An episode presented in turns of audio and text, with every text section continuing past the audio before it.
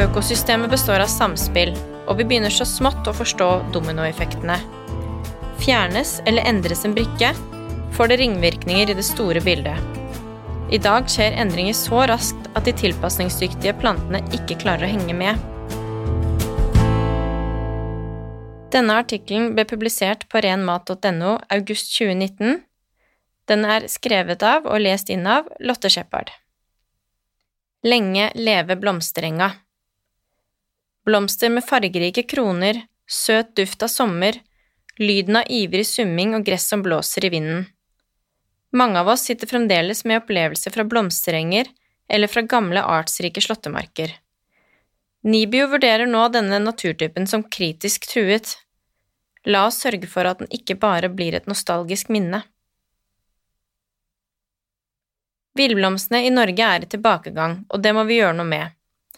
For villblomstene, eller eng- eller markblomstene som de også blir kalt, er matfatet til pollinatorene bier, humler og andre insekter. Det er essensielt for liv på jorda at vi legger til rette for de små, summende vesenene. Insektbestanden minker, deriblant er rundt 200 villbiarter i Norge utrydningstruet. Vi må ta grep. Når vi går i en slåtteng, er det som volumet skrus opp. Det summes og jobbes.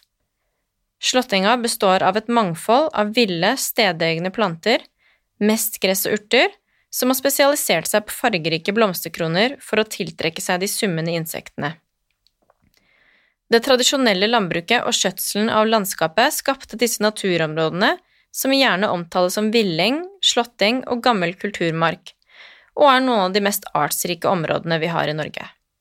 Rødknapp, blåklokke, prestekrage og engskjæreblom er et knippe av blomstene vi finner der. Flere av plante-, insekts- og soppartene i enga har få eller ingen andre levesteder. Økosystemet består av samspill, og vi begynner så smått å forstå dominoeffektene. Fjernes eller endres en brikke, får det ringvirkninger i det store bildet. I dag skjer endringer så raskt at de tilpasningsdyktige plantene ikke klarer å henge med. Blomsterenga er full av samspill. Når humler og bier besøker blomster, opptil 3000 om dagen for å sanke nektar og samle pollen på pelsen sin, bestøver de 80% av nytte- og villplanter. Dette inkluderer en tredjedel av matplantene våre. Beitedyra med sin gressing og sine tråkk stimulerer til frøspredning og vekst i enga. Feltforsøk fra Agri Analyse gjort på Dovre viser at det er beita utmark som binder mest CO2. Beiting og slått har holdt landskapet åpent, sørger for at gjengroingen har vært holdt i sjakk og skapt gode leveforhold for villblomstene. Underveis har vi fjernet og endret på noen av dominobrikkene. Beiting i utmarka er mindre aktuelt for intensiv kjøtt- og melkeproduksjon. Kunstgjødslede gressenger i innmarka og importert soya er mer effektivt enn å slå den tradisjonelle naturenga. Slåttenga, som tidligere var brukt som vinterfôr, er ikke lenger nødvendig, da vinterfôret hentes fra godt oppgjødsla kulturenger. Færre beitedyr befinner seg i utmarka, og færre driver småbruk i fjellet.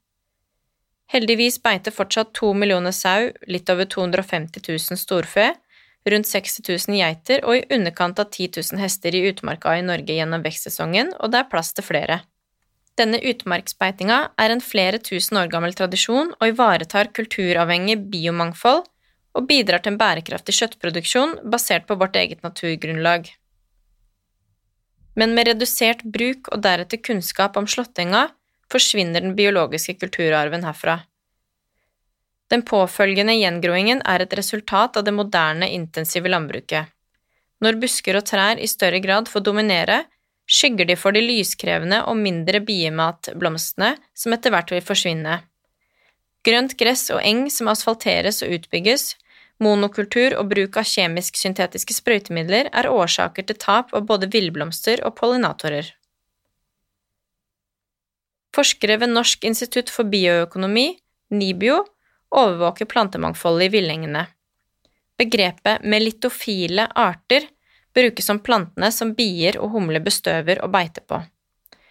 Forskerne fant at de melitofile artene er i tilbakegang i kulturlandskapet. Også vanlige arter som løvetann og hvitkløver går tilbake. Et fåtall arter var i framvekst. Dyr på beite med vekststimulerende tråkk og naturlig gjødsling, og enger som slås, blir trukket frem av forskere som tiltak som kan sikre et mer artsrikt og variert kulturlandskap, og som kan styrke bie- og humlebestandene. En mangfoldig eng med et rikt antall plantesorter og plantegener er en robust eng. For å sikre utveksling av gener må enga ligge i nærheten av andre enger, beiteenger, hagemarker og artsrike veikanter. Det må bli lønnsomt å ha dyr på beite og drive skjøtsel av slikt naturengareal. I dag finnes lette slåmaskiner som kan gjøre arbeidet mindre strevsomt. Hva kan vi selv gjøre? Støtte opp om en landbrukspolitikk som sikrer bruk av utmarksbeite og ivaretakelse av også ekstensivt drevne landbruksareal som slåttenger og gamle kulturmarker. Og kanskje vi selv kan gjøre om noe av plenen vår til en urterik eng med stedegne norske ville markblomster?